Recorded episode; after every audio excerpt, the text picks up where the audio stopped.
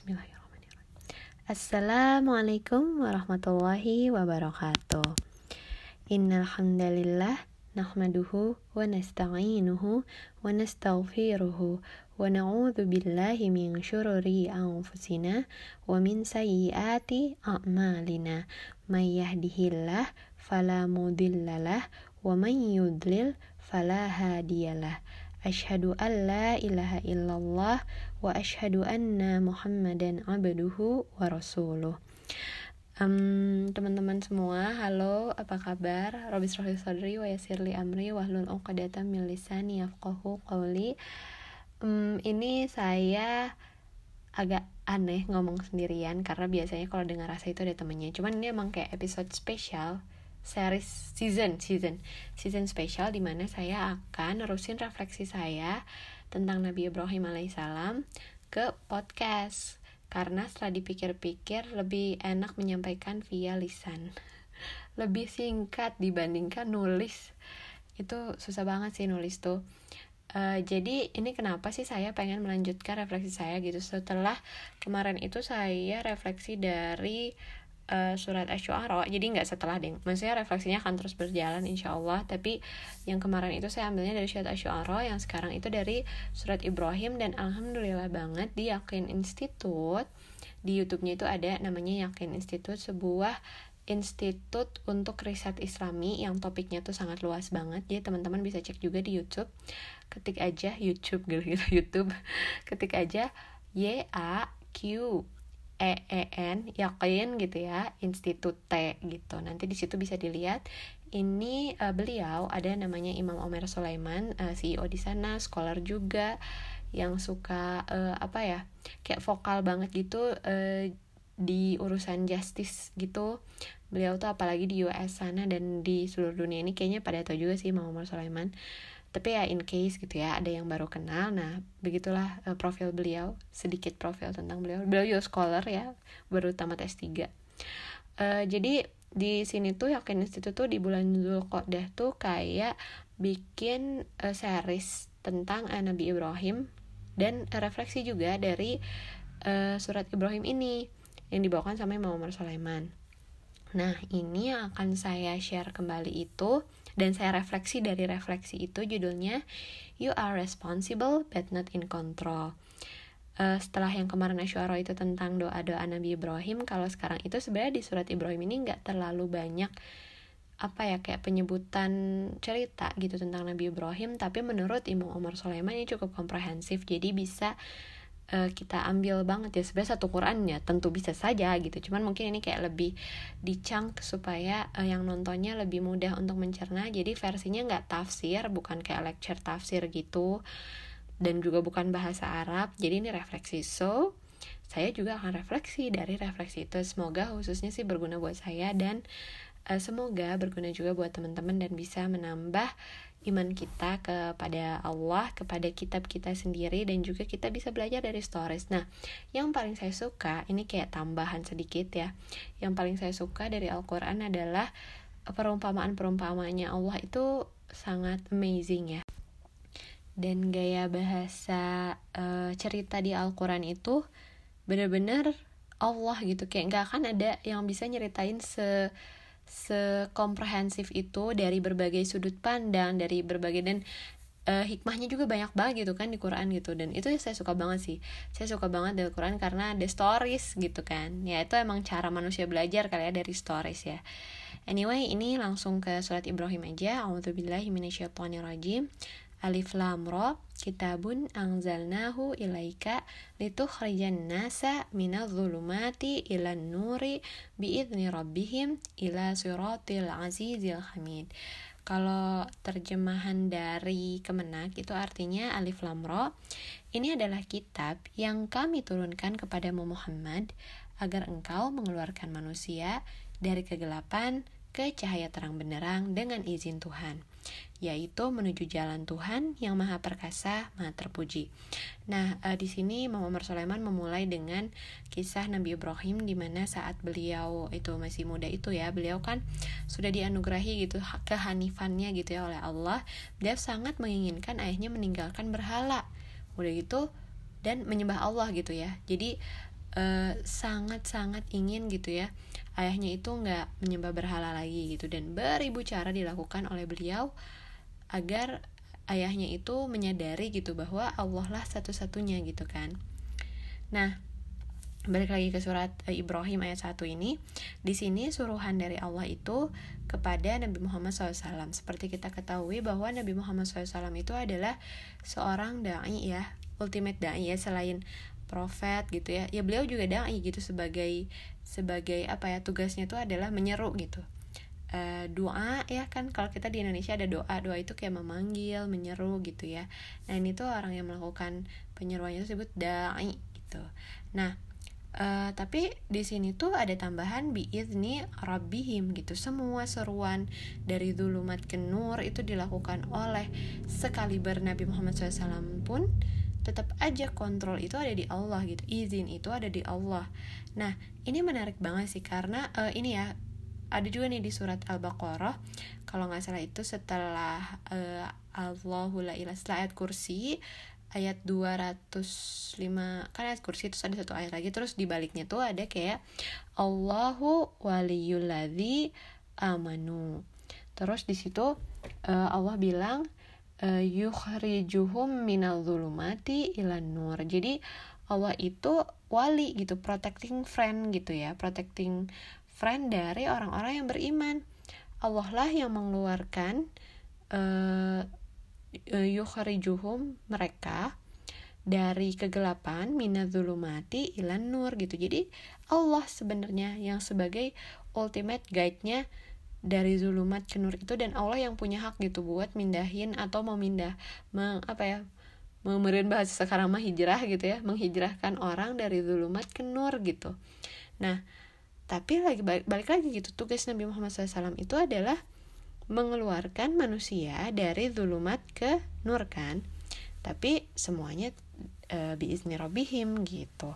Jadi yang di sini e, refleksinya yang pertama adalah diambil dari e, Imam Umar Sulaiman itu kita itu harus mengasumsikan diri, diri kita itu full responsibility gitu jadi tanggung jawabnya tuh full di kita buat melakukan hal-hal yang visabilillah gitu ya di jalan Allah gitu nah tapi selalu yakin bahwa semua hasil itu di Allah gitu.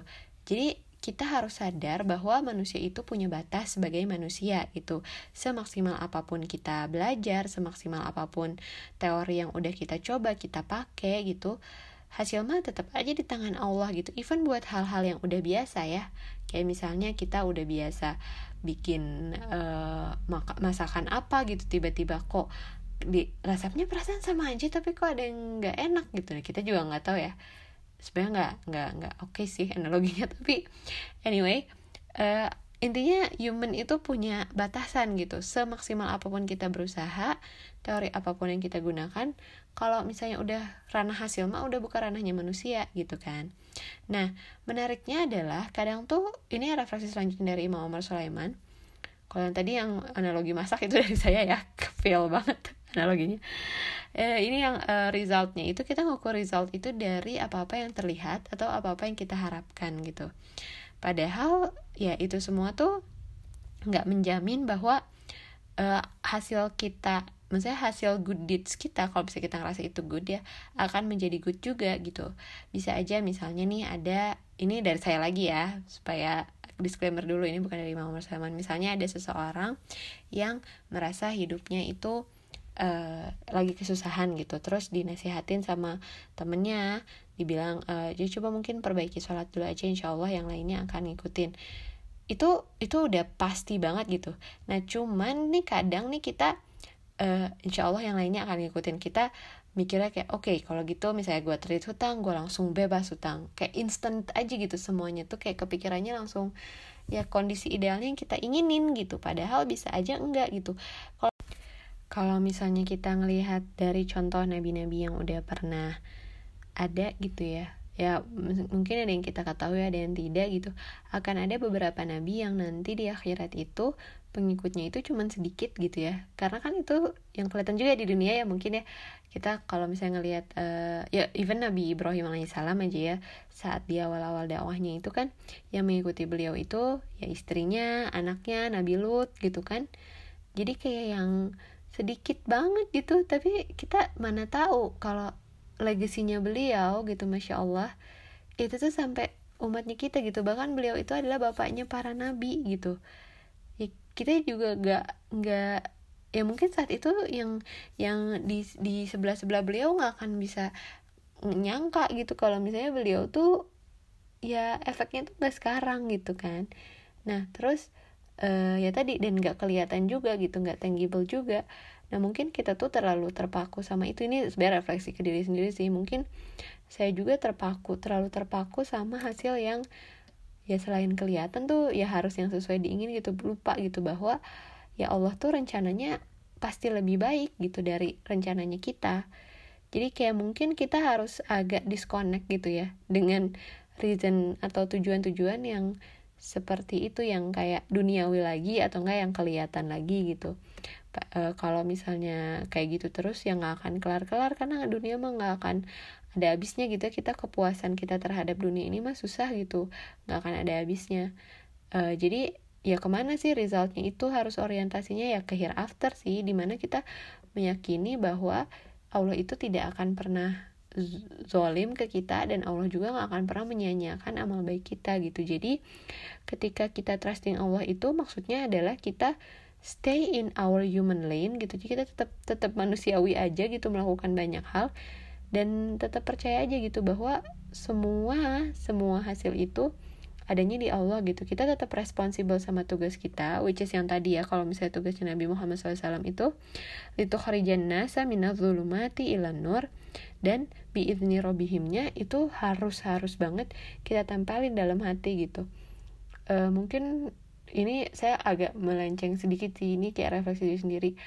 Um, insya Allah. Nah sering dengar kan kata insya Allah karena bisa jadi itu udah mengandung pergeseran makna. Padahal itu sebenarnya indah banget gitu di mana kita put our trust in Allah buat hal-hal yang kita belum tahu besok bakal kejadian atau enggak gitu. Even itu untuk hal-hal yang udah biasa itu untuk kayak misalnya eh, rutinitas lah atau misalnya janjian yang udah pasti kayak misalnya iya besok gue kerja iya besok gue sekolah gitu. Tapi ketika kita menambahkan insya Allah di dalamnya itu indah banget sih. Makanya saya suka banget tuh pakai insya Allah gitu karena kita gak akan pernah tahu besok kayak apa cuman ya tugas kita adalah ya tadi berusaha semaksimal mungkin yang kita bisa pun saat uh, contohnya ya saat Nabi Ibrahim alaihissalam mengajak ayahnya untuk masuk uh, ke agamanya. Uh, itu tuh agama Islam maksudnya. Itu tuh dia uh, Nabi Ibrahim alaihissalam itu menggunakan bahasa yang sangat sangat halus masya Allah. Kalau misalnya di surat Maryam itu kayak iya abati oh my dear father gitu kan kayak yang sulit banget sih gitu. Mungkin kalau kita mah udah kesel ya gitu sama saya sama orang tua. Misalnya diajarin internet nggak ngerti-ngerti aja ya kayak gitu tuh udah stuck banget ya sih kadang. Nah cuman ini Nabi Ibrahim alaihissalam nih emang emang ultimate banget sih contoh banget gitu. Dan Nabi Muhammad SAW pun seperti itu Masya Allah. Uswatun hasanah banget gitu kan buat kita. Untuk tetap melakukan yang terbaik gitu. Dan ini dan ini menariknya deh. Kalau misalnya di Al-Quran tuh Allah tuh selalu mengakui emosi-emosi kita. Jadi kalau misalnya kayak saat Nabi Muhammad ini ini nggak di luar eh maksudnya nggak ada di dalam lecturenya sih. Cuma ini kayak tambahan aja refleksi dari saya. Kalau eh, misalnya nih kita sudah melakukan eh, hal yang terbaik yang kita bisa dan hasilnya tidak sesuai itu kan kita ngerasa sakit ya. Dan itu tuh di acknowledge sama Allah gitu. Eh, maksudnya sakit mah emang ya mungkin uh, misalnya penerimaan orang terhadap kita kita di reject lah ya kita di reject itu tuh sakit.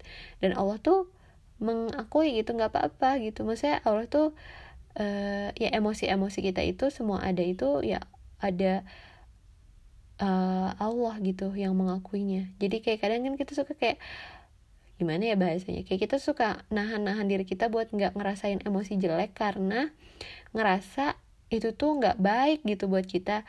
Padahal ya Allah tuh bilang iya saya tahu kamu uh, lagi sakit gitu.